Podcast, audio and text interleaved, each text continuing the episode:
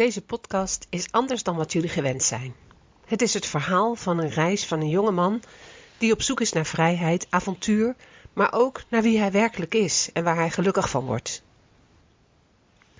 Ik ontmoette Geert de Groof op het terrein van Kasteel de Schans, waar ik vanaf 2008 jaarlijks een week deelnam aan het vakantieavontuur. Hij was toen de tijd een jonge man van rond de dertig. Hij woonde en werkte op het kasteel en verzorgde zweethutten, een eeuwenoude ceremonie om jezelf te vinden. Hierover is op het internet voldoende te vinden. Onze bijzondere verbinding is versterkt toen hij in 2011 een zweethut organiseerde vanwege ons huwelijk. Het leven gaat verder, maar je hoeft elkaar niet kwijt te raken. Dat blijkt alweer uit het contact dat we hebben gehad voordat we deze podcast gingen opnemen. Ik volg Geert namelijk al lange tijd via zijn blog waarin hij zijn avonturen beschrijft. Na een kantoorbaan en een baan als treinmachinist besloot hij op reis te gaan. Zijn eerste doel was Nepal, waar hij ingezameld geld bracht bij een familie die de zorg op zich heeft genomen voor ouderloze straatkinderen. Hij werd geraakt door de levensstijl en de cultuur van Azië en linkte dat aan het boeddhisme. Hij vroeg mensen om tips voor een nieuw reisdoel en zo kwam hij terecht in Thailand. Tijdens deze podcast wisselen stukjes van een live gesprek met Geert vanuit Bangkok via WhatsApp zich af met stukjes uit een blog die hij bijhoudt. Telkens als er een stukje van zijn blog komt, gaat er een tromgeroffel aan vooraf. Hij maakt in zijn blog ook gebruik van quotes. Deze worden aangekondigd door een klein stukje harpmuziek. Om jullie alvast in de sfeer te brengen, start ik met een quote.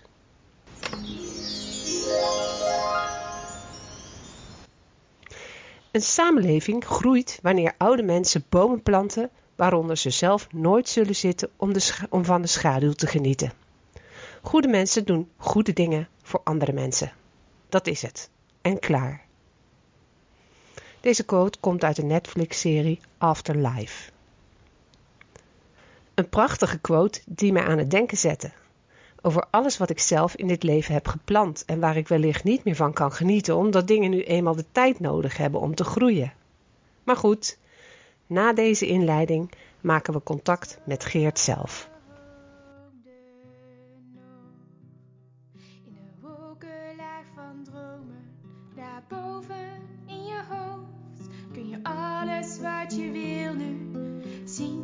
Zoals je hoopt. Knisperende bladeren, zwevend op de lucht. En vliegensvrije vogels zijn nooit meer op de vlucht.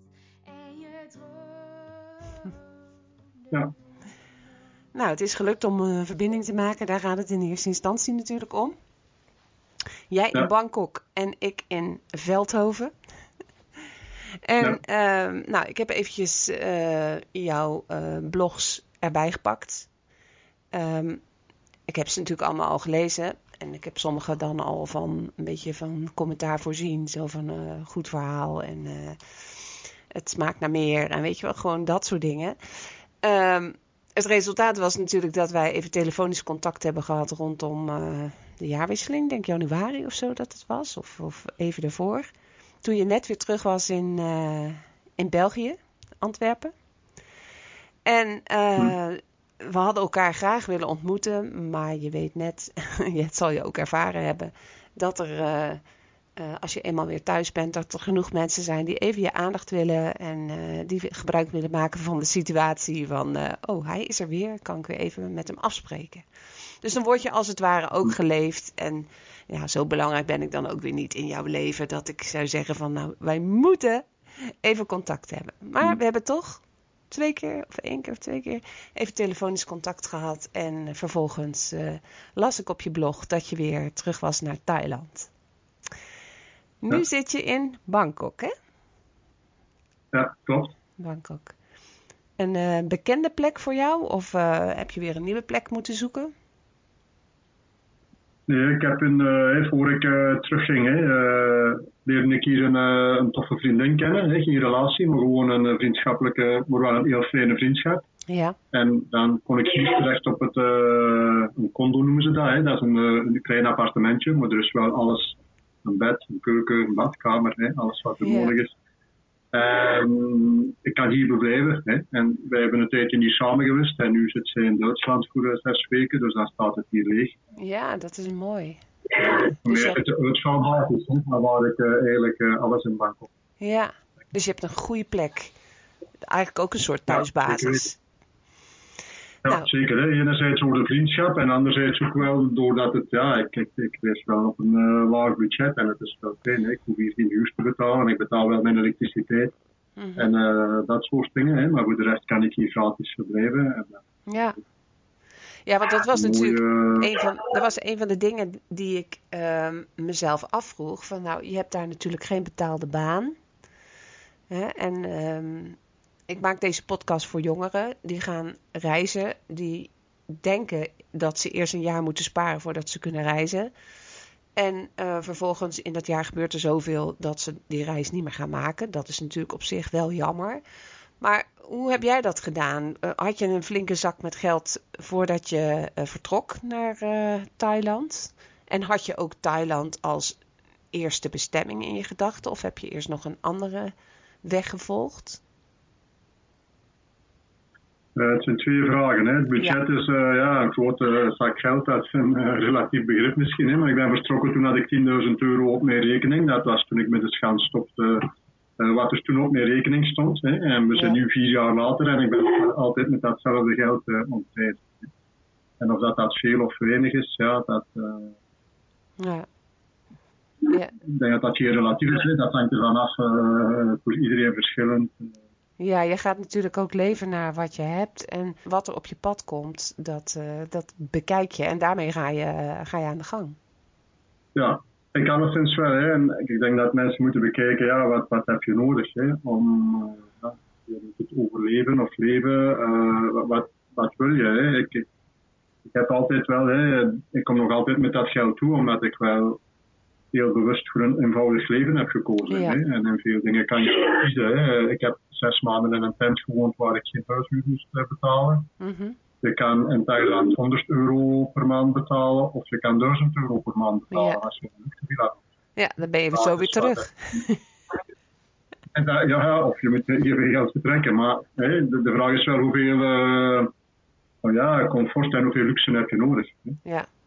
Ja, dat zijn dan keuzes. Ik uh, ben nu in Bangkok en ik, ik, ik bezoek vaak uh, dingen die geen geld kosten. En ik vind dat er best wel echt heel mooie dingen uh, deze. Nee, je kan niet voor heel weinig geld de bus nemen en dan ergens voor een week rijden waar eigenlijk nooit waar ik de enige blanke ben en waar ik het wel leuk vind. Hè, om tussen die mensen te eten, mijn fruit te kopen op de markt, de boot te nemen en de rivier over te steken. Dat doen die mensen elke dag voor hun werk. En, ja van de dag naar huis en dan ben ik wel blij met mijn dag. Ik vind wel dat ik een fijne dag heb gehad en ik heb niet veel geld uitgegeven.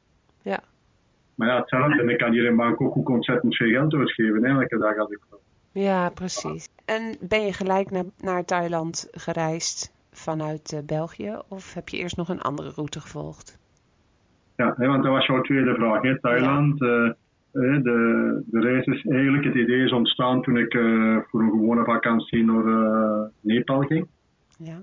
We hebben toen op de Schansen die vogelpotjes verkocht en die winst uh, ging toen, dat ging elk jaar naar iemand anders, maar dat ging naar een familie in Kathmandu die de zorg op zich namen voor twaalf straatkinderen, die geen ouders meer hadden. En dan ben ik daar op bezoek geweest. En ik vond wel de levensstijl daar ontzettend mooi. En daar ben ik een man uit Tsjechië tegengekomen en die zei, nou ja, als je ooit voor langere tijd gaat reizen, dan is Thailand een goede bestemming om te starten. Omdat uh, hier heb je een beetje een mix van uh, veel tempels en boeddhisme, uh, wat maakt dat het een vrij veilig land is. Ik kan in Bangkok midden in de nacht over de straat lopen zonder dat ik het gevoel heb, ik moet uitkijken dat ik niet overvallen word of dat ik lastig gevallen word. En ik klink dat ook een beetje met het boeddhisme, dus dat Thailand wel veilig is. En tegelijkertijd is het wel uh, in Zuidoost-Azië een redelijk uh, ontwikkeld land. Hè? Omdat hier veel toerisme is, uh, kan je hier rustig eten zonder dat je schrik moet hebben dat je ziek wordt. Als Ja. je in Laos komt, kan dat wel eens anders zijn. Hè? Omdat daar komt minder toerisme en daar heb je dus minder hygiëne. Dus die man in Tsjechië had me dat aangeraden en toen ben ik maar naar Thailand gekomen en, en ik ben ook Myanmar binnengetrokken en daar zie je het wel het verschil. Hè. Dan moet je voorzichtiger zijn met je eten en als je er ergens voor slapen, ja, is het soms wel vuiler dan in Thailand. Hè. Je hebt een minder hoge standaard. En vervolgens ben ik teruggekomen naar Thailand en toen was het niet uh, echt mijn keuze, maar toen was het omdat de grenzen gesloten waren. Dat ik... Want je moet elke keer weer een, een nieuw visum aanvragen. Ja, dat is wel een dingetje. Hè. Ik weet niet welke vragen er nog zullen komen, maar ik kan nu wel al zeggen, kijk, overal, elke keuze die je maakt, heeft ook wel zijn uh, nadelen. Hè. En het visum is er één dingetje van, dat is iets wat altijd terugkomt en wat ook altijd gedoe heeft. En hoe groter je budget en hoe meer geld je hebt, hoe minder gedoe. Hè? Want je kan hier alles regelen met uh, corruptie. Dat is gewoon een feit. Als je de juiste mensen de juiste som geld betaalt, dan wordt dat voor jou geregeld. Maar ik ben niemand die dat allemaal zelf regelt. En Immigration Office, moeilijke mensen. Ja, is dat zo? ja, ja. Ze hebben een uniform en ze hebben de macht om een stempel te zetten. En dan krijg je altijd een beetje. Ik mag niet spreken met altijd, maar wat je wel vaker ziet is dat heel vervelend kunnen doen, want zij hebben de macht. Hè. Als ik die stempel niet heb, dan word ik het het land uitgekikt. Dus. Ja. En dat weten ze. zijn niet warm, ze zijn niet behulpzaam. Er is niemand daar die zegt, ik ga eens bij jou naar je situatie kijken en we gaan eens kijken hoe we dat kunnen oplossen. Nee. En ze zeggen, zo, zo, zo en zo moet het. En als het niet in orde is, dan kan je zeggen, ja, maar kijk eens. Uh, ja mijn visum was geweigerd omwille van mijn gezondheid, uh, mijn reisverzekering. Maar ik heb een heel goede reisverzekering uit België. Want dat, en toen zeiden ze, nou ja, het moet er eentje uit Thailand. Maar ik zei, kijk, ik heb er eentje en uh, dat, die zegt echt alle kosten. Nou ja, er is niemand die zegt, nou ja, oké, okay, goed, we gaan eens nog kijken. Dus, en daar moet je wel rekening mee houden. Hè. Als je gaat reizen, hè, elk land dat je binnenkomt, krijg je er wel mee te maken dat je moet zorgen dat je een visum hebt en dat dat Ja. Nou, dat is wel een hele goeie hoor, voor, uh, voor jonge mensen. Want die denken, de wereld is, uh, ligt aan mijn voeten en ik ga gewoon. Maar je moet inderdaad wel van tevoren ja. het een en ander regelen op het gebied van verzekeringen en uh, visa. Ja, en ook. Hè. Je regelt veel dingen op voorhand, maar ook sommige dingen die moet je mee rekening houden. Ja, dat zit, er zitten wel er, er horen uitdagingen bij het leven. Ja, ja dat is mooi. Dat is mooi gezegd.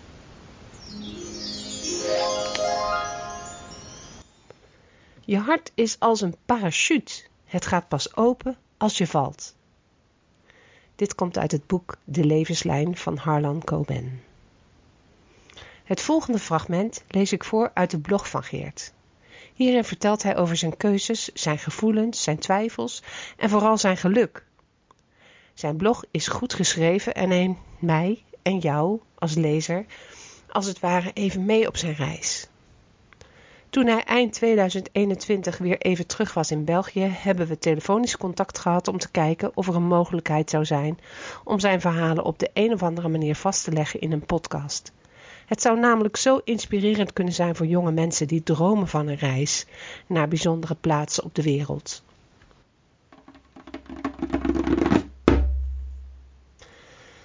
Wat maakte de tijden pittig en waterwoelig voor uw blogger? Welnu, gaat u er even rustig bij zitten. 1. Mijn portefeuille met daarin redelijk wat Thaise dollars, mijn identiteitskaart, creditkarten, rijbewijs enzovoort is gestolen. Niet de praktische gevolgen als wel de schending van mijn vertrouwen in mensen raakt me daarin het meest. Wat zou het fijn zijn als ik alle mensen kon vertrouwen die ik tegenkom op mijn pad en vice versa. Maar zo is het niet. Dat is niet de realiteit. En ik zie helaas niet het verschil tussen wie ik wel en wie ik niet kan vertrouwen. Soms heb ik daar wel een idee van, echter, ik heb me vaak vergist in beide richtingen. Dus, het zal misschien niet de laatste keer zijn dat mijn vrolijke vrienden van de Europabank mijn nieuwe creditkarten eh, dienen op te sturen. 2. Heven. De plek waar ik de laatste zes maanden gratis kon verblijven en waar ik me erg thuis ben gaan voelen, is overgenomen door een nieuwe eigenaar. We kregen een week de tijd om ons boeltje te pakken en op te hoepelen.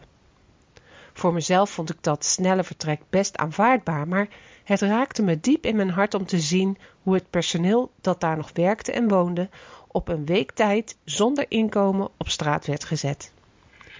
Tijdens mijn verblijf in Heven was ik wel een beetje een onderdeel geworden van deze Burmeese familie. Ik ga niet beweren dat ze professioneel gezien het beste personeel waren dat ik ooit meegemaakt heb, maar als mensen hebben ze zeker het hart op de goede plek. En Linka, het zoontje van vier, en nog te klein om het allemaal te bevatten, zag ik met leden ogen achter de hele bende aanhuppelen, een onzekere toekomst tegemoet. Bovenop dit alles baart de militaire staatsgreep in Myanmar, hun thuisland, deze mensen ontzettend veel zorgen. Hoeveel tegelijk kan een mens hebben, denk ik dan. Elke week ga ik een keer langs op hun nieuwe woonplek voor een hartelijke groet en om te helpen hoe ik kan. 3. Een tijd geleden werd mijn stiefvader ziek. De dokters deden lange tijd wat ze konden. Hij zelf en de mensen rondom hen heen deden dan weer lange tijd wat zij konden om de positieve, positiviteit erin te houden. En op een dag stierf hij toch, zonder dat iemand eerst gevraagd heeft of we daar klaar voor waren en of we hiervan wel gediend waren. En toch gebeurde het, zomaar op een ochtend. Een man met een ontzettend goede inborst die stierf omdat het nu eenmaal zo ging. En het antwoord op de vraag hoe ik als gevoelige ziel met deze bovenstaande tegenslagen omga, is redelijk veelzijdig. Er is geen kant-en-klare handleiding. Mijn favoriet is om iets of iemand anders de schuld te geven.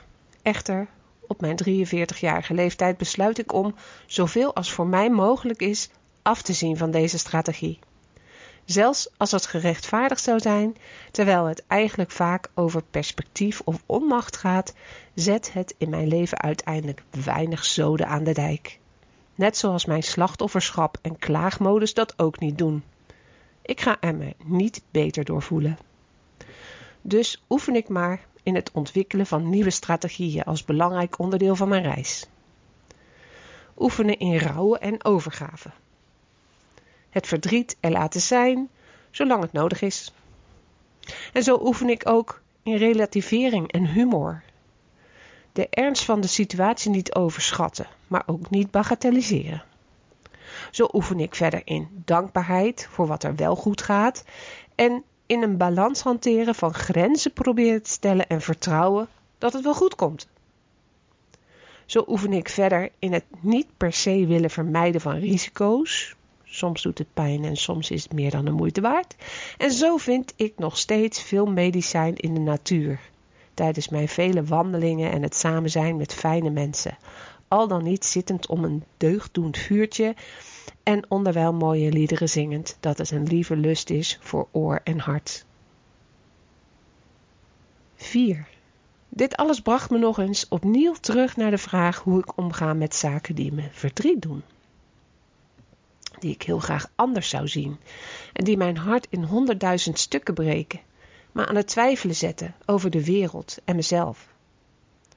Een vraag die trouwens niet alleen mezelf aangaat, want momenteel krijgt zowat de hele wereld ongevraagd een coronacrisis door zijn strot geduwd, met bijbehorende maatregelen die iedereen danig op de proef stellen.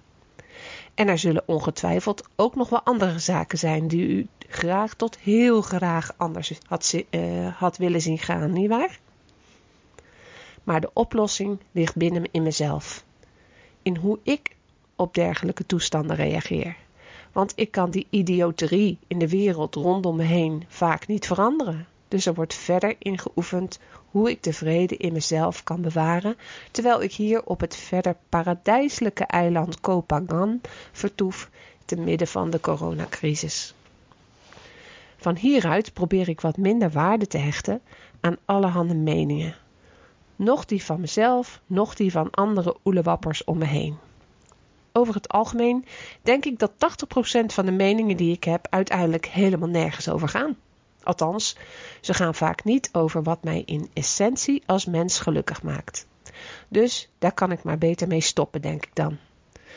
Wat ik in een opleiding meegekregen heb en waar ik meer en meer belang aan ga hechten, zijn bepaalde waarden in mijn leven die wel mijn gevoel van gelukkig zijn en de wereld rondom me heen ten goede komen als ik daar meer van mijn energie in steek. Vriendschap, solidariteit, autonomie, respect, diversiteit, betrokkenheid, vrijgevigheid, groei, liefde, nieuwsgierigheid, speelsheid en ga zo maar door. En de kunst is om van daaruit mijn keuzes te maken en mijn leven vorm te geven. Wederom wordt er geoefend door ondergetekende, zonder dat de perfectie helaas in zicht is.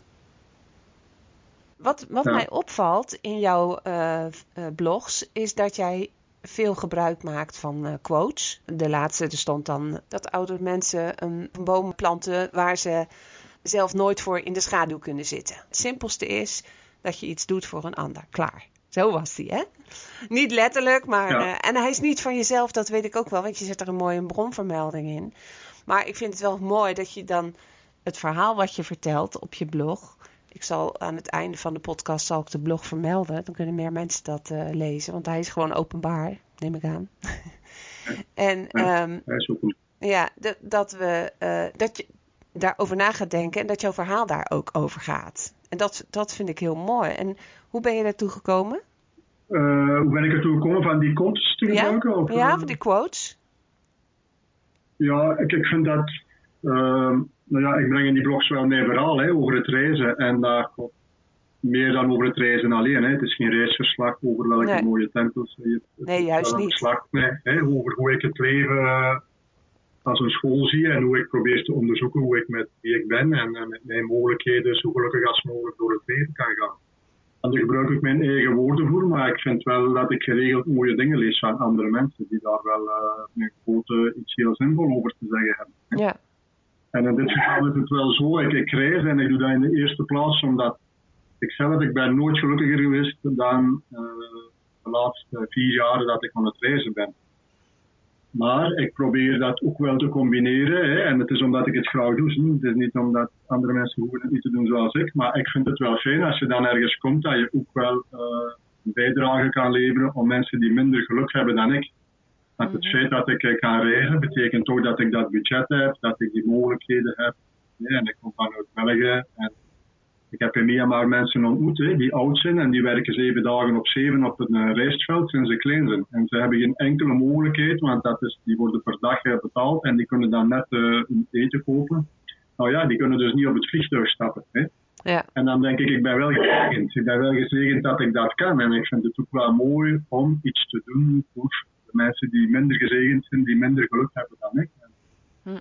Nou ja, we leven wel in een vrij individuele maatschappij, waarbij het meestal gaat als over mijn loon en over, hè, ik trek mij niet zoveel aan van hoe, wat er rondom mij heen gebeurt. En als ik dan zo'n quote zie die daar zegt, ja, maar er zijn ook mensen in de wereld hè, die bomen planten, hè, ook al zullen ze zelf niet uh, de vruchten ervan plukken, maar dat doen ze wel voor anderen en voor de mensen die na komen, ja, dan vind ik dat wel mooi, hè, omdat ja. ik in het blog. Maar ja, dat, dat zie ik ook in, in het werk wat je doet. Hè? Jij zet je in voor verschillende goede doelen, waarin je ja, ook gewoon iets doet voor een ander, omdat dat de normaalste zaak is van de wereld. Ja. En, en dat... Omdat ik dat dus ook wel zo beschouw, hè? dat dat eigenlijk de normaalste zaak van de wereld zou moeten zijn. Dat, ja. dat het is belangrijk dat ik ook voor mezelf zorg. Hè? Ik die, er zijn mensen die ook zichzelf volledig weggeven en niet voor. Hè, maar ik denk voor mezelf zorgen en ook zorgen voor mensen die minder geluk hebben dan ik. Dat ja. ik, uh, en dan, dan maak je mooie verbindingen. Ja, ja. En, en ik denk ook wel, eerlijk gezegd, dat ik, ik vind wel dat. Uh, en het wordt een beetje tricky als je het daarom gaat doen, hè, maar als je het er niet om gaat doen, dan komen veel van die dingen wel terug. Hè. Mm -hmm. Ik zit nu drie maanden gratis op een appartement en ik heb wel vaker uh, mooi aanbod gehad, aanbod gehad van mensen die zeiden: Nou ja, je hebt geen inkomen, hè, je mag hier een tijdje wonen of je mag hier gratis mee eten of weet ik veel. Ja. En dat ik denk, ja, als je bereid bent ook om veel te geven en meer zorg te dragen voor anderen, dan heb ik het idee dat er ook wel veel zorg wordt gedragen voor mij. Hè. En ja, dat is ook een mooie gedachte. Hè? Dus dat uh, als de energie gegeven wordt, dat dan de energie ook vanzelf weer bij je terugkomt. En uh, als ja. je je daarvan bewust bent dat, uh, dat dat zo werkt, dan maakt het niet uit waar je bent, als je maar bewust bent van de energie die je geeft. En um, ja, er zijn nog veel meer dingen die ik heb gelezen waarvan ik denk, oh ja, dat kan ik vragen, dat kan ik vragen. Maar heb jij, voordat ik al die vragen ga stellen, misschien iets waarvan je zegt van nou, als Jolanda belde, dan zou ik dat of dat willen vertellen. Want anders ga ik jou eh, een soort kruisvoor afnemen. En dat is ook weer niet de bedoeling. Het is, het is een gesprek hè, wat we voeren. Hmm. Nou ja, een van de belangrijke dingen die zijn al benoemd, dus daar moet je geen over leveren. Hè. Als je vraagt hoe kan je lang op zonder sociale zekerheid en dan zeker in coronatijd, weet je wel, uh, als je inkomen wegviel, dan had je niks. Hè. Bij ons kreeg je dan hè, soms nog wel een uitkering van de overheid. Dus er is veel te helpen, vind ik wel. En als je, dat, als je het fijn vindt om een bijdrage te leveren. Ja.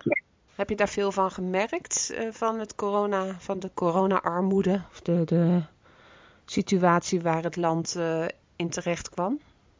Ja, zeker wel. Hè. En, en het is wel ja, een beetje een klassiek verhaal. Hè. Maar je hebt hier in Azië, net zoals bij ons, ook wel mensen die best goed verdiend hebben de, voor de corona en die wel wat aan de kant hebben staan. Hè, die veel verdiend hebben onder toerisme. Maar ik heb een project gedaan voor Birmezen. Hè. Dat zijn dan een beetje de gastarbeiders. Dus dat betekent dat zij in Thailand een, een beetje het vuile werk komen doen voor een laag loon. Hè. Dus die mensen die hebben niet zoveel um, de kans om te sparen, hè, om iets op te bouwen. En vaak nog voor familie en, uh, en Myanmar zelf. Hè, En die mensen die worden dan heel hard getroffen, want op een bepaald moment sluiten ze die grenzen. Er komen geen toeristen meer binnen. Hè. Thailand is een land waar normaal 33 miljoen toeristen per jaar komen, wat een enorme uh, bron van inkomsten is. Dus dat wordt van de ene dag op de andere drooggelegd. Ja, en de mensen die geen spaargeld hebben en sociale zekerheid, dat bestaat hier niet hebben echt ontzettend moeilijke periode gehad de afgelopen twee jaar. Nou, het is onvoorstelbaar wat, wat voor effect uh, die hele pandemie uh, op de wereld heeft gehad. Hè? En ja. Um, ja. ja. wij, wij leven hier natuurlijk in een uh, zeer geciviliseerd land waar de regelingen en, en de, de, gezondheidszorg allemaal goed geregeld is. Maar als ik hier al zag wat voor grote paniek er was over mensen die ziek werden. En ik werk zelf natuurlijk op een school. Hoe die scholen dichtgingen en hoe alles online moest gaan plaatsvinden. Dat was uh, eigenlijk shocking. En dat is niets vergeleken bij wat jij natuurlijk in die andere wereld uh, hebt mee kunnen maken, mee kunnen pikken. En die nasleep, die is natuurlijk nog lang niet weg. Want die, dat toerisme is helemaal nog niet op gang. Nee. Nu begint het wel te komen, hè, maar maar ik denk wel, het verschil is dat uh, die lockdown en hoe ze dat in Europa hebben aangepakt, dat je natuurlijk uh, psychologisch kan je daar vragen bij stellen. Hè. Is dat nodig om dat land op slot te doen en uh, vaccinaties en coronapas? Hè. Dat zijn allemaal dingen die ik wel snap. Ik, ik maak dat iets kleiner en ik zie dat niet onder de tafel.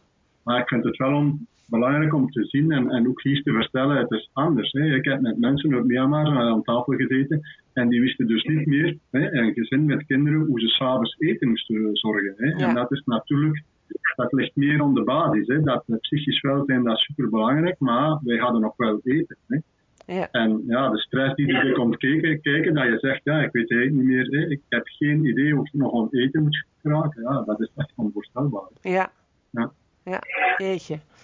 En ik heb, ik heb dat niet kunnen oplossen, maar goed, ik heb wel geld ingezameld. En dan ja, af en toe kon je daar langs gaan met rijst of hè, met wat basisproducten. Ja, en dan waren die mensen wel super blij. Hè. Dan hadden ja. ze op zijn minst toch iets uh, op te eten. Mm -hmm. Het is onvoorstelbaar. Ik denk voor velen is het onvoorstelbaar. En, en ik vind wel dat er soms te, te negatief gedaan wordt in België en in uh, Nederland. Hè, dat ik denk, ja, mensen kunnen super hard zijn voor de politiek en voor de medische wereld. En, en ik snap het, want ik ben zeker niet de man die zegt dat het politiek gezien allemaal correct loopt. Maar ik kan wel zien met mijn reizen, er is ook wel heel veel dat er wel is en waar we dus niet meer dankbaar, dankbaar voor zijn in België en in Nederland. Het vanzelfsprekend vinden dat er een boven je hoofd is, dat je eten hebt, dat het koud is, dat je de verwarming kunt afsteken. Ja. Ik kom dus in landen waar het niet zo vanzelfsprekend is. Hè, maar ja. ja. En kan je er ook dan, kan je zeggen, politiek is het uh, een rotzooi en toch ben ik dankbaar voor hetgeen dat er wel is in mijn land. En als je een keertje in een ander land komt, opent dat, in, in, mijn, geval is dat alleszins ook wel mijn open geopend. Misschien zie je de bui al hangen, maar mijn keuze voor het woordje oefenen impliceert dat ik ook regelmatig met mijn gebruinde bakkes tegen de Kopangaanse grond klets. Dus ook het accepteren van wie ik ben en wie ik niet ben, wat ik kan en niet kan, is onlosmakelijk met dit proces verbonden. Er zijn dingen waar ik goed in ben en er zijn dingen waar ik slecht in ben.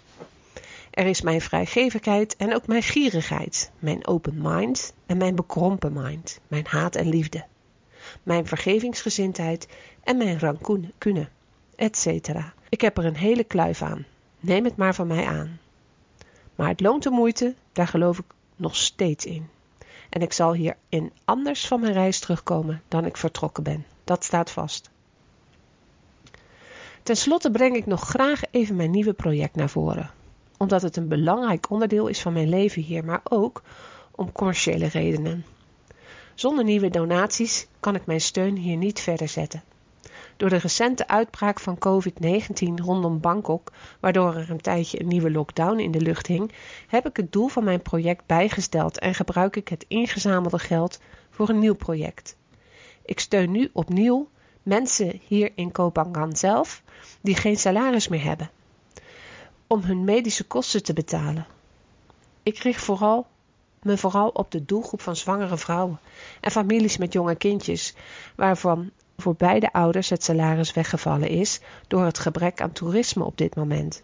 Maar voor iedereen in nood probeer ik in samenwerking met een collega en de hulp van lokale vrijwilligers een oplossing te vinden. Ziekenhuiskosten, doktersrekeningen, medicijnen, basisvoedsel om gezond te blijven. En ik zoek ook actief mee naar oplossingen voor problemen die hier moeilijk opgelost kunnen worden op een eiland. Zo kunnen we volgende week een schat van een baby die van kop tot teen vol uitslag staat naar het naburige eiland Koh Sumai laten gaan om geholpen te worden door een huidspecialist. Die is hier op het eiland Koh Phangan immers niet te vinden, waardoor het probleem niet opgelost kan worden. Zou heel graag willen dat mijn project overbodig was, maar dat is het niet. En dan is de dankbaarheid van mensen die geholpen worden in moeilijke situaties waarin ze zich verbinden misschien wel het meest efficiënte medicijn tegen mijn eigen weemoedigheid die soms de kop opsteekt na een tegenslag. Het doet me zoveel deugd om de ouders en hun toekomstige kleintjes te helpen waar ik kan en met steun van velen onder jullie. Wellicht komen er nog enkele blogs uit Kopangan want mijn visum gaat opnieuw verlengd worden, dit keer tot eind mei. Zolang blijf ik zeker nog hier op deze mooie plek, afwachtend hoe de coronasituatie zich in België verder gaat ontwikkelen. In de tussentijd denk ik veel aan wie thuis is. En ik zal erg blij zijn als ik weer eens voet op Belgische of Nederlandse bodem zal zetten om vrienden en familie weer te zien. Hasta la vista en ik wens jullie het allerbeste toe op zijn of haar pad. Maar het mooie van reizen is dat je jezelf overal mee naartoe neemt. Dus als er in jezelf een, een vorm van vrede is, hè, of een vorm van acceptatie of liefde voor de wereld, maakt het niet uit waar je bent. En pas je je aan aan de, situatie waar je bent. En ja, geef je die energie aan jouw uh, omgeving. Voor mij heeft dat gewoon te maken met bewustzijn. Je bent je bewust van wat er is en wat er in jezelf leeft en wat je kan geven en wat je kunt doen voor de wereld. Of zie ik dat verkeerd? Ja, ik, ik, ik spreek nu even helemaal vanuit mezelf. Ja, ik, ik, ik, ik geloof erg in, uh, in de bezigheid van de paradox. Het is nooit de ene kant of het is nooit de andere kant. Ik denk dat dat heel belangrijk is, wel, welke energie dat er zelf in jou leeft. Mhm. En dat je die overal meeneemt. Hè. Of je eerder geneigd bent om tevreden te zijn, of dat je eerder geneigd bent om ontevreden te zijn. Waar je ook gaat, je zal altijd meer tevreden of ontevreden zijn. Maar de paradox zit er ook voor mij in dat er wel landen zijn van los hoe je ingesteldheid is. Mhm. Soms is het wel ontzettend moeilijk. Ik bedoel, in Myanmar is nu een militaire coup geweest en dan weten die mensen die waren al arm en dan wordt je uit je bed gelegd als je daar een protest op hebt. En zonder proces gooi je voor vijf jaar de bak in. Hè? En je weet nooit wanneer dat je eruit komt. Ja. Dat zijn wel ontzettend harde uh, omstandigheden. Hè? Dat komt van buitenaf en dan kan je vanuit je inborst iemand zijn die heel optimistisch is, die positieve energie in de wereld brengt. Maar als je van buitenaf uh, ja, met omstandigheden te maken krijgt die toch niet minten, dan denk ik, ja, het is de paradox. Hè. Beide dingen ja. kloppen. Jij zegt het komt van binnenuit, dat klopt. En ik zie van buitenaf ook wel dat de omstandigheden ontzettend verschillend kunnen zijn als je in Nederland leeft of je leeft in Myanmar. Ja, dat, dat doet me denken aan die quote van we leren om naar buiten toe te functioneren maar we leren niet wie we van binnen zijn. Dat vond ik ook een hele mooie. Die maakte op mij echt indruk, omdat ik zelf altijd heel erg vanuit mijn eigen bewustzijn met de wereld uh, communiceer. En uh, je merkt wel dat niet iedereen dat doet of kan. Ja, dat, dat is nou eenmaal gegeven. In jouw verhaal, een van jouw verhalen stond er ook van nou, ik ben iemand met vele gezichten. Toen dacht ik, hoe zit dat dan? Is dat dan de buitenkant of is dat dan de binnenkant die je laat zien? Of uh, heeft dat te maken met veiligheid? Of...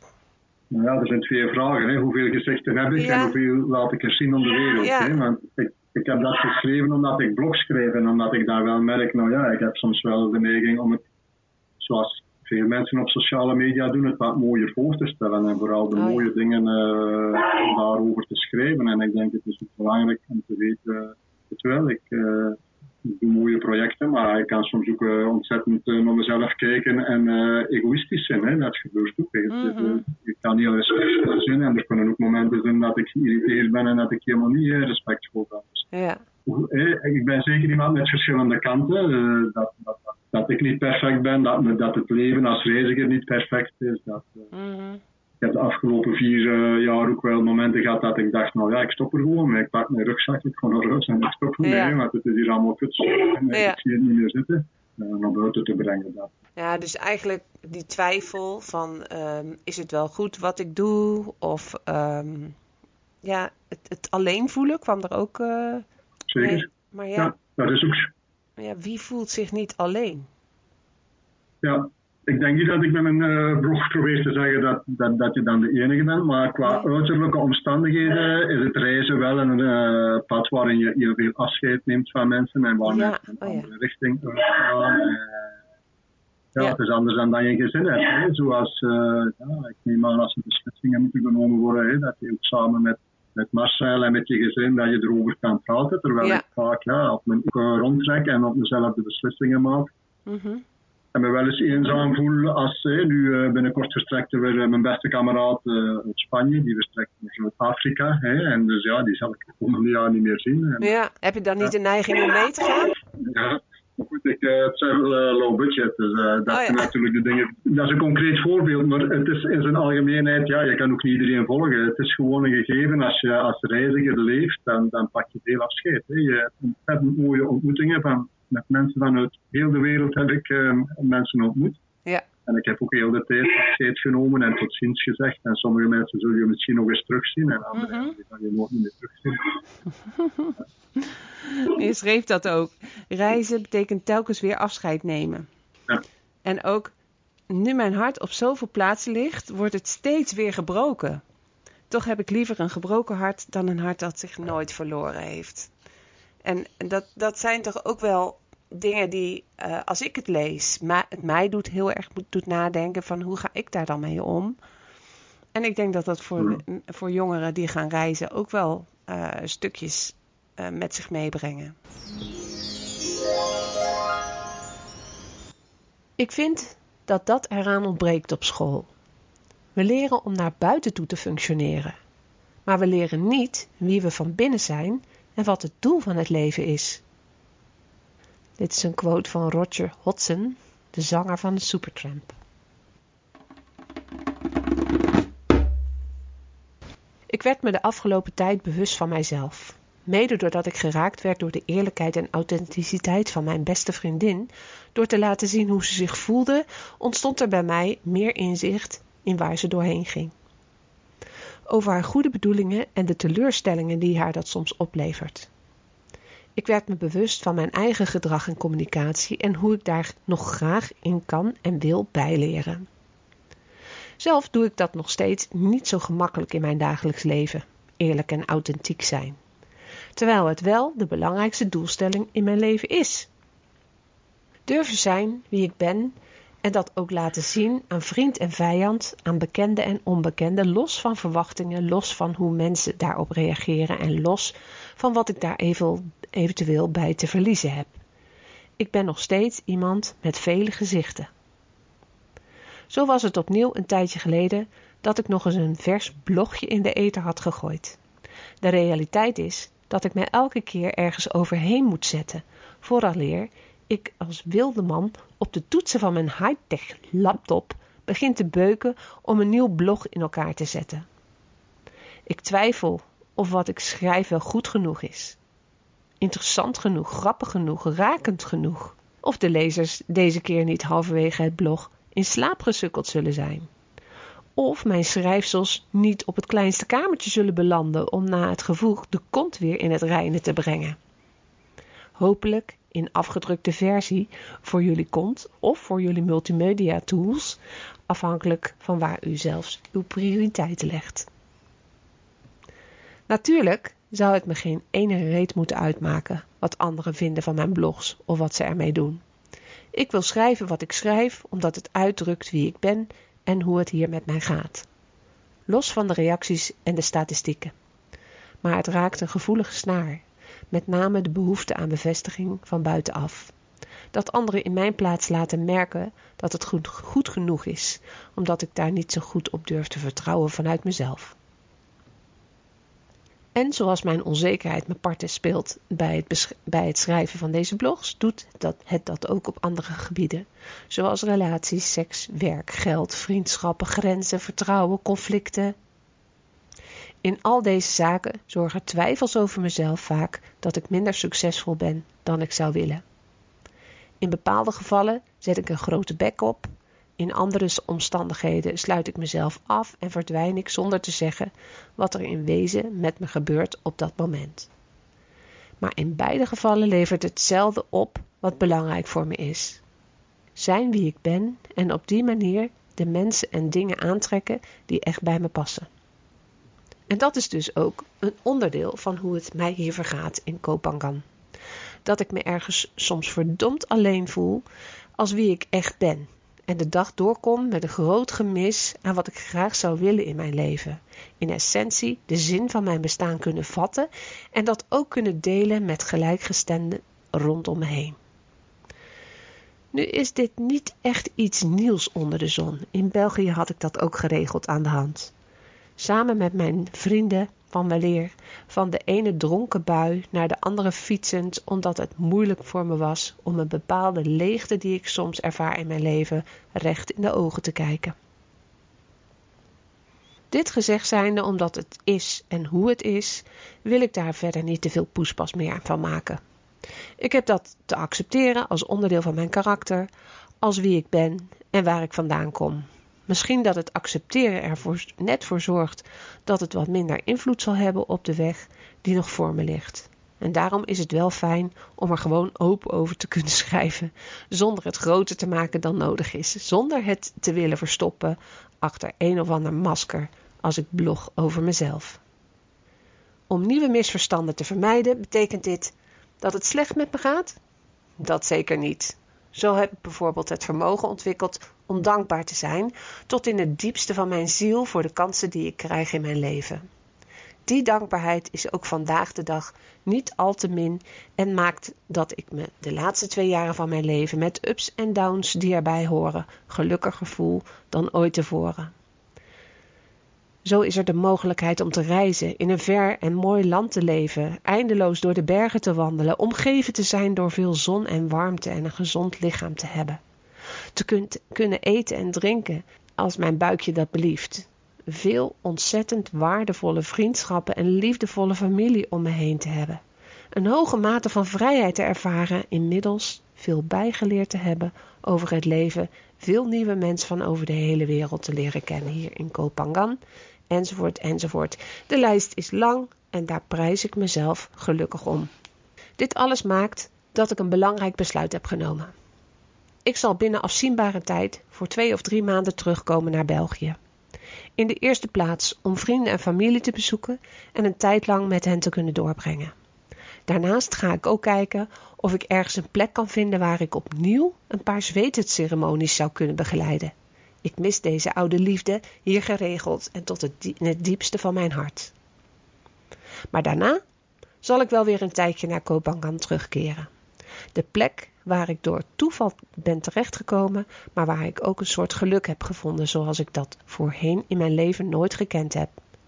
Ik heb de intentie om er als gids aan de slag te gaan mensen meenemen op wandeltochten in de prachtige natuur. Ze laten merken dat ze welkom zijn als wie ze zijn, ook met hun ware gelaat. Ik wil me ook verder blijven inzetten voor het project dat ik hier opgestart ben. Me verder wijden aan iets dat mijn eigen belangen overstijgt.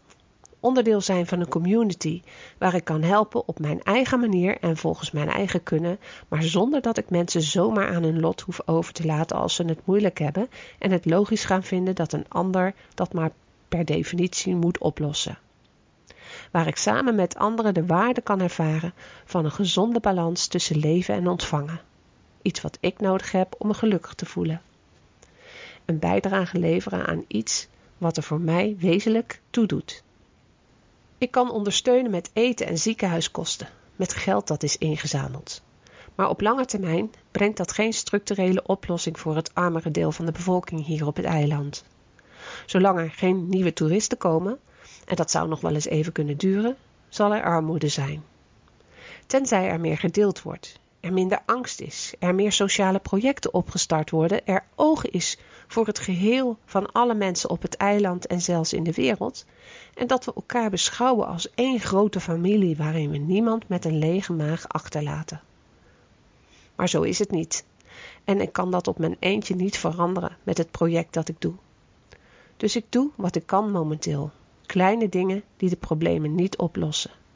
Maar het zorgt er wel voor dat een gezin met kinderen een keertje extra eten op tafel krijgt. Het maakt dat mensen die ziek zijn toch een keertje bij de dokter terecht kunnen en de medicijnen krijgen die ze nodig hebben. Dat maakt me blij en geeft mee zin aan mijn leven. Naast dat ik mijn, mijn onvermogen tegenkom in dit project. Wanhoop en voldoening gaan bijgevolg hand in hand. Wat ik hier doe met het project zal nooit voldoende zijn en tegelijk altijd goed genoeg.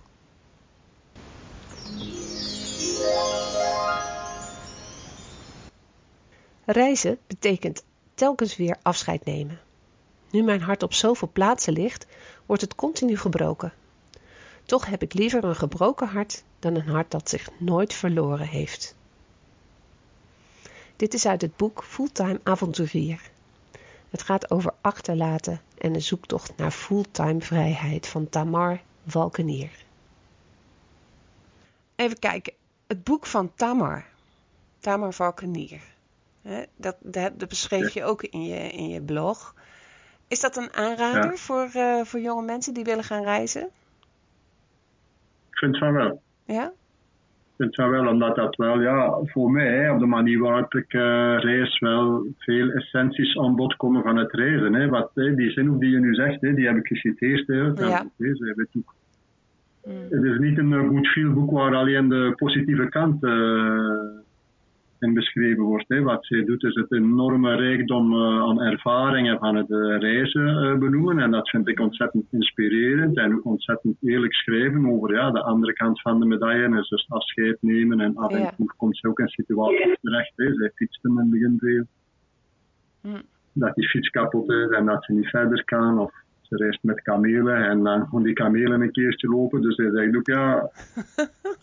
en, ik kan me daar echt volledig in vinden. Als ik de balans maak, dan is het mij meer dan de moeite waard. Hè, omdat ik vind dat een enorme rijkdom uh, oplevert. Ja. En het is ook goed, ja, dit gaat ook voor uh, eventueel mensen te inspireren die willen gaan reizen. En het is ook goed om er bij stil te staan. Ja, het is niet alleen maar... Ja, het is niet alleen maar helemaal mooi. Je komt voor uh, beproevingen te staan. En uh, ja, het is eigenlijk een way, way, of life, hè, wat je, wat je, waar je voor kiest. En uh, daarvoor ja. in ruil krijg je vrijheid terug. Ja, vrijheid en veel vind ik mooie ontmoetingen. Hè. Veel dingen had ik nooit meegemaakt als ik niet zou gaan reizen. Hè. Want ja. werkte ik op de schaand en gewoon nog als treinmachinist. En dan lag alles toch behoorlijk vast wie ik zou ontmoeten. Mijn collega's op het werk en mijn familie. Ja. Mijn wereld bestond uit een aantal mensen. Nu moet ik zeggen, op de schans, zodat ik Zweedse te begeleiden, hè, dat vond ik toen al heel mooi. Hè, dat mm -hmm. ik veel mensen in de cirkel had die ik niet kende en dat ik veel mo mooie verhalen hoorde. Dus dat, ja. ja, zo hebben wij elkaar ook ontmoet. ja. Jij hebt zelfs ja. nog de Zweedhut uh, ceremonie uh, gedaan uh, ter gelegenheid van ons huwelijk. En ja, dat is me ja. een zeer dierbare herinnering natuurlijk, omdat ik zelf een belangrijke beslissing had genomen in mijn leven. Maar het was ook een hele bijzondere zweethut. Dus uh, ja. ja, daar, daar is denk ik wel ook een, een diepere laag geraakt en een verbinding ontstaan tussen ons. En daarom ben ik je gaan volgen natuurlijk. Ja, er moet altijd een reden achter te zoeken zijn, hè? Ja. ja. Mooie, mooie trouw was dat, hè? En ook de, de keer dat ik uh, samen met mijn zus nog een keertje op de Schans ben geweest voor een zweet het uh, weekend. En uh, ja. dat ik vertelde dat ik voornemens was om een kinderboek te schrijven. En um, mm-hmm. nou, dat boek is er nog steeds niet. Ja, een heel, heel stuk is het af, maar het is er nog niet. En um, toen kreeg ik van jou een boekje mee. Met allemaal uh, kinderverhaaltjes. En dat vond, dat vond ik zo, ja, zo prachtig. Dat ik dacht van, jeetje, jij verplaatst je gelijk eigenlijk in, in de mens met wie je dat gesprek hebt. En um, je geeft.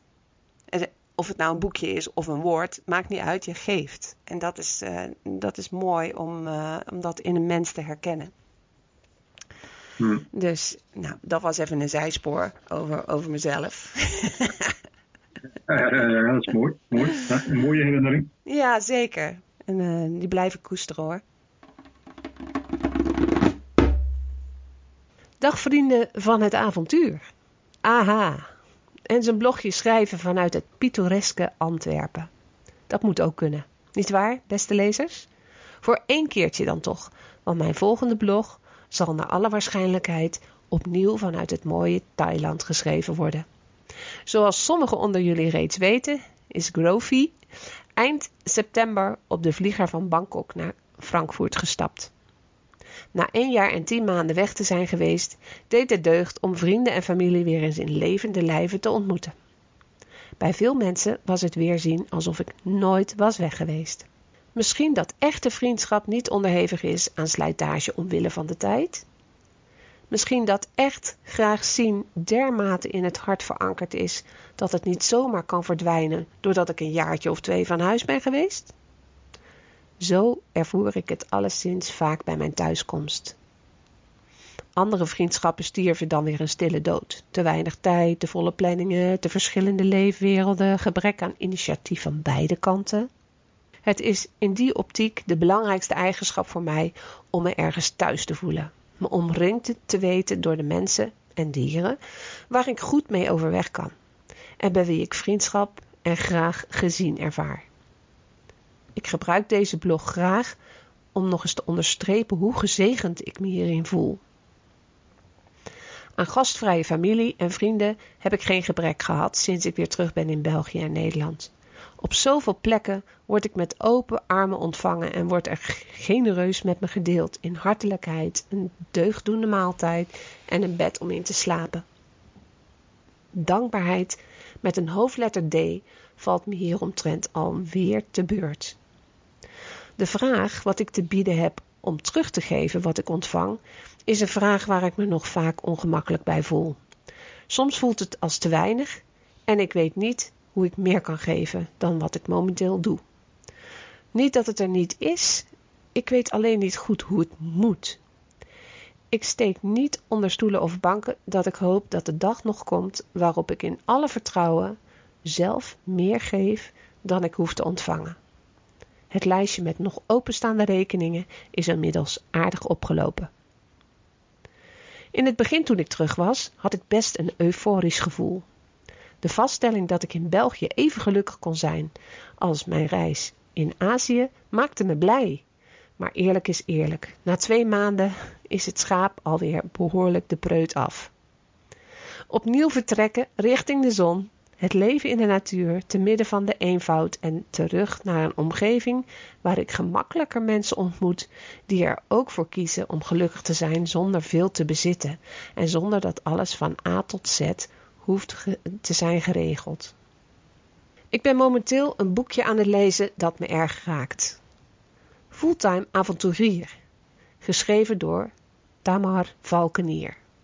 Ze beschrijft voor mij heel erg herkenbaar hoe zij tijdens haar reizen geluk haalt uit andere zaken dan waar het dikkers over gaat in onze Europese samenleving. Met name in de mooie natuur zijn, zonder al te veel technologie en onnodige spullen. Voeg daar af en toe een bordje eten aan toe, fijn, gezelschap rondom me heen en ergens een zinvolle bijdrage aan kunnen leveren. En eigenlijk is mijn lijstje van wat ik in essentie nodig heb om gelukkig te zijn dan al compleet. Less is more. Dus ja, dit blog over thuiskomen is er meteen ook eentje over weer vertrekken. Over dat ik overal gelukkig zou moeten zijn. Omdat geluk in mijn hoofd en hart zit en gevoed wordt door deugdoende vriendschappen. En toch ook weer niet. Vrijheid, natuur, de hoge prijzen, het grenzeloze consumptiegedrag, de onuitputtelijke stroom aan negatief nieuws enzovoort beïnvloeden me toch nog meer dan ik zou willen. Helemaal onafhankelijk en van binnenuit gelukkig zijn, zover ben ik nog niet. De wereld rondom me heen en waar ik in te leven heb, heeft nog wel zo zijn invloed op me, hoe, hoe ik me voel als mens. Dus soms vraag ik me wel eens af waar ik in godsnaam mee bezig ben en waarom ik niet gewoon voor een normaal leven kies dat me minder onzekerheid oplevert. Omdat ik het niet kan, niet weet hoe dat moet en mijn pogingen tot nu toe me meer ongelukkig dan gelukkig maakten. Dus sla ik momenteel opnieuw de weg in van het reizen, de zoektocht naar vrijheid en een manier van leven die het beste bij me past. Misschien dat ik het op een dag tegenkom, op de juiste plek en bij de juiste mensen. En zoals Tamar het voor mij mooi beschrijft in haar boek, inderdaad toch liever een gebroken hart dan een hart dat zich nooit verloren heeft. Toch liever een leven met veel onzekerheid dan een veilig leven zonder risico's waar ik niet echt gelukkig van word. Um, even kijken. Het inzetten voor anderen blijft een rode draad in je leven.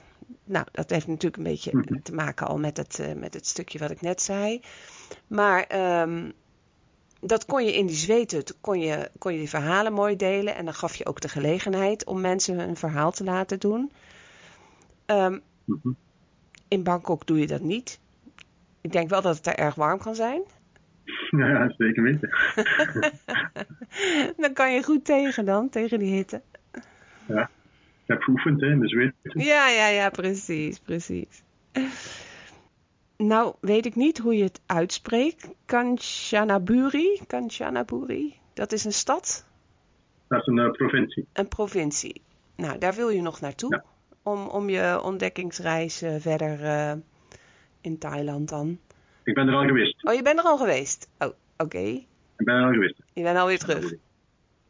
Ja, het is een afwisseling. Hè. Ik kies ervoor nu uh, omwille van de omstandigheden hè, dat ik hier in Bangkok kan blijven. Maar Kanchanaburi is natuur hè, en daar kom je in de bergen en ontzettend mooie watervallen. Mm -hmm. Het is niet te beschrijven hoe, hoe, mooi dat is. Hè. En dan kan je dan lekker zwemmen en daar kampeer ik dan met een tentje. Oh ja. En dan voel ik wel, hè, uh, ja, ik zei al, hè, ik geloof erg in die paradoxen. Hè. Het is altijd wel iets. Hè. Ik, ik, ik, zoek niet meer naar de perfectie, want dat bestaat niet. Hè. Ik heb hier ontzettend veel voordelen in mijn maar ik mis de natuur. Nou, daar heb ik ontzettend genoten van de natuur. Hè. Ja. Uh, in dit geval ben ik sorry, met non gegaan. Dat is de, de, de vriendin in uh, wie's appartementje ik nu oh, ja. Maar ze heeft hier ook een auto. Hè. Dat zijn, uh, wij zijn naar ook afgelegen plaatsen geweest waar je niet zo gemakkelijk uh, komt. Uh, als je ja. een auto. Ja. Dus een tentje in de auto en mm -hmm. ja, de Ja. ja. En zijn er nog meer plaatsen die je wilt gaan ontdekken? Ik ben dan ondertussen ook in het oosten geweest en in het noord noordoosten. Nan is een ontzettend mooie provincie ook, hè, met hele mooie bergen. En dan ben ik, daar was ik al eens geweest, maar ik ben nog eens terug geweest naar Chiang Mai in het noorden. Mm En ja, ik vind dat ontzettend mooi. Hè. Dus in het zuiden, de mensen die uh, liefhebbers zijn van de zee en van de strand, die kunnen in het uh, zuiden heel erg onder trekken komen. Maar uh, de mensen die houden van de bergen en toch ook wel van iets meer rust, hè, omdat dat wat mhm. minder toeristisch is, die kunnen zeker het, naar het noorden trekken. Ja, en, en alles gaat daar in het Engels? Of, spreek je ondertussen ook wel eh, de taal van de bevolking? Nee, ik uh, volg wel Thaise les. Maar het is een ontzettend moeilijke taal, omdat ze met intonaties werken. Dus mm. bijvoorbeeld is pet, dat is een woordje en dat kan je op vijf toonhoogtes uitspreken. Oh. En dat zijn dan vijf verschillende betekenissen. Hè? Dat is dan pet met een P. Maar je hebt ook pet met PH en dat heb je ook vijf verschillende toonhoogtes. Hè? En dan, ik vind het al moeilijk om het verschil te horen tussen pet met een P en pet met een PH. En voordat je kan horen, nou ja, die toonhoogte, dat kan één betekenen, of dat kan mm -hmm. spicy, uh, kan betekenen of zo verder. Dus ik uh, doe dat wel uh, omdat ik dat belangrijk vind om er wel mee bezig te zijn. En wat je ook merkt is als je een taal leert, dan leer je ook wel over de cultuur. Ja. Ik kan maar iets zeggen, zij zullen bijvoorbeeld nooit vragen hoe, hoe oud je bent. Hè? Terwijl dat voor mij een vrij normale vraag is, hè? vragen hoe oud je bent. Nou ja, dat, is, dat zijn dingen die, die kunnen nou ja, leuk zijn om te weten. Mm -hmm. Ik heb meer over de Duitse cultuur geleerd door uh, met die taal bezig te zijn. Dus één keer per week volg ik les en dan ben ik een keertje in de week op mezelf bezig. In de wetenschap dat ik nooit Thai zal spreken, maar dat ik denk, nou ja. Maar ja, het verstaan van Thai gaat dan wel? Nou, natuurlijk, ik heb een, uh, iemand die me onderwijst en dat is een mooie uitwisseling, want zij wil leraar worden en zij doet het gratis voor mij en ik geef gratis voor haar feedback om haar te leren hoe ze ja, je moet ook aansluiting vinden hè, met degene die je lesgeeft en zo verder. Ja. Maar dan kon ik bijvoorbeeld op een markt hè, mijn uh, groente kopen voor uh, te koken. Nou ja, die spreken zo snel, daar hoor ik, daar hoor ik niks van. Mm -hmm. ja. En ik probeer het wel, hè. En, en, en natuurlijk zeker in bank ook veel mensen spreken ook wat Engels. Ja. ja, want dat is altijd wel moeilijk hoor, communicatie. Maar gelukkig hebben we ook nog de non-verbale communicatie. Dus je kunt wijzen en je kunt lachen en je kunt uh, boos kijken enzovoort. D dat zijn wel de dingen die volgens mij niet aan een taal onderhevig zijn. Dat mensen. Al, al heb ik wel geleerd in India, de, wij, wij doen zo nee schudden, hè, de, met je hoofd nee schudden. En daar doen ze het uh, zo. Ja, de, de, mensen, de, mensen, die nu luisteren, die weten helemaal niet wat ze aan het doen is. Maar goed, um, dat gebaar is zo compleet anders. Dat, dat je denkt van, oh, oké, okay, voordat je dat in de gaten hebt, ben je wel even verder.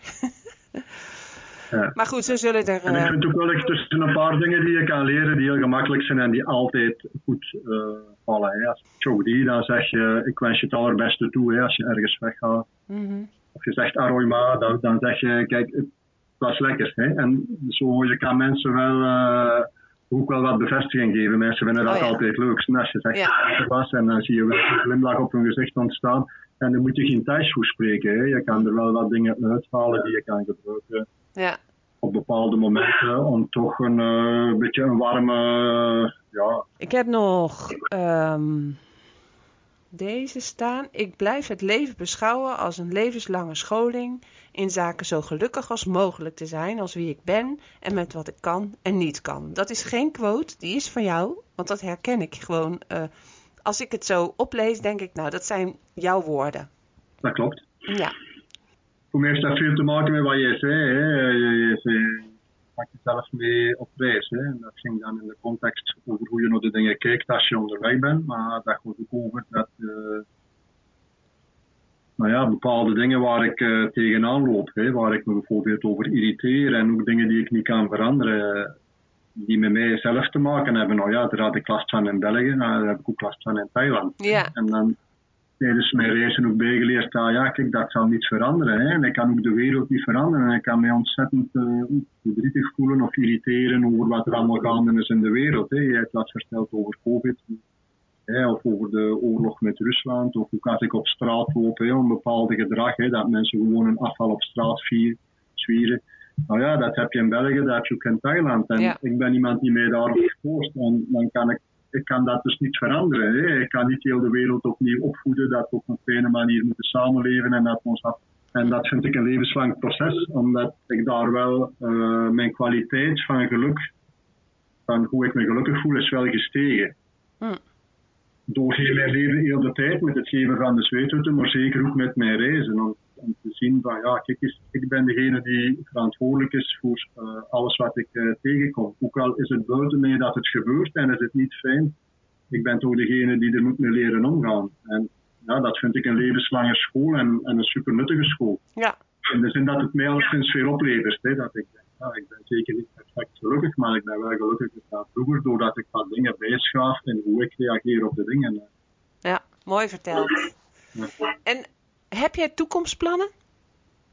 Nou, wat ik wel een beetje aan het doen ben, is, uh, ik heb nu een online jobje, nog niet zo lang, hè, dat ik 10, 10 uur uh, in de maand is het maar uh, wat verdien, maar dat is wel voor een Belgische VZW, hè, dat loon is dan in vergelijking per uur redelijk goed. Vergelijking met als ik in Thailand zou werken. En daar kan ik een beetje nu een basis aan betalen. En ik ben ook wel in contact met een aantal reisagentschappen, omdat ik hier nu toch ondertussen drie jaar en een half ben. Mhm. Stel dat er iemand een aanbod Azië of Thailand zou hebben en die wil graag een keertje met mensen op reis gewoon die het wat authentieker willen. Oh ja. Doordat ik vaak dingen bezocht heb die niet zoveel geld kosten, kom je toch ook wel gemakkelijker in dat lokale circuit. En als mensen zeggen, we willen zo eens een keertje op een authentieke manier uh, Thailand uh, bezoeken als reiziger, waarbij we niet te veel toeristen tegenkomen, maar waar we wel veel zien. En ik, heb ook veel Thaise vrienden waar we ook wat kunnen spreken of eens op café gaan ja. en, en niet direct met de mensen, ja, dan zou ik dat op zich wel graag willen organiseren. Nu, Leuk. De toekomstplannen, alleen maar dat ik wat contacten aan het leggen ben en dat ik nog geen idee heb. Ja. Maar van binnenuit kan ik wel voelen dat er dan veel dingen samenkomen, want ik reis graag. En ik heb altijd een voorliefde gehad voor groepen, hè, om iets te doen met groepen. Ja. En nu in onderhandeling ook met die doen dat zo met jongeren, hè, tussen de 23 en de 30 jaar. En dat kunt misschien ook nog een beetje... Nou, mooie, mooie toekomstplannen. En goed om te eh, benoemd te hebben, want uh, wie weet, uh, als er een jongere is die dit beluistert, dan kan die allereerst jouw blog gaan volgen en dan kan hij daar een opmerking in maken of een vraag in stellen en dan komt hij vanzelf weer een stukje verder. Nou, Geert, we zitten al op drie kwartier. Uh, ik ga het uh, gesprek uh, beëindigen. Ik vond het verschrikkelijk leuk en ik had nog veel meer. Ik heb hier allemaal briefjes liggen. Maar ik denk dat we gewoon best wel de, de lijn hebben kunnen bespreken die ook te lezen is in jouw blogs. En um, nou, ik vond het heel leuk om het op deze manier te doen. En ik, ja, ik ga kijken wat ik ervan kan maken. Ik lees ook stukjes voor uit jouw verhaal. En dan doe ik een stukje van gesproken ertussendoor, zodat we een geheel krijgen wat misschien uh, luisterbaar is. dat is ook weer mijn uitdaging. Tijdens de laatste blog van Geert schreef ik hem: Bedankt weer voor je eerlijke verhaal. Ik heb bewondering voor de eerlijke manier waarop je schrijft over je keuzes, je verlangens en je twijfels. Jouw reis is vooral in jezelf gaande en gaat voort op alle plekken waar jij je bevindt. Jouw reis is liefde.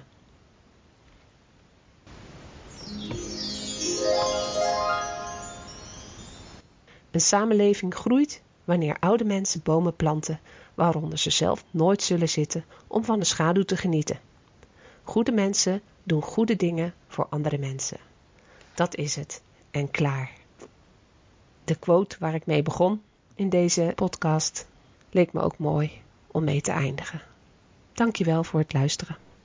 Sluit je ogen maar, doe ze zachtjes toe en droom dan maar zo de boze dingen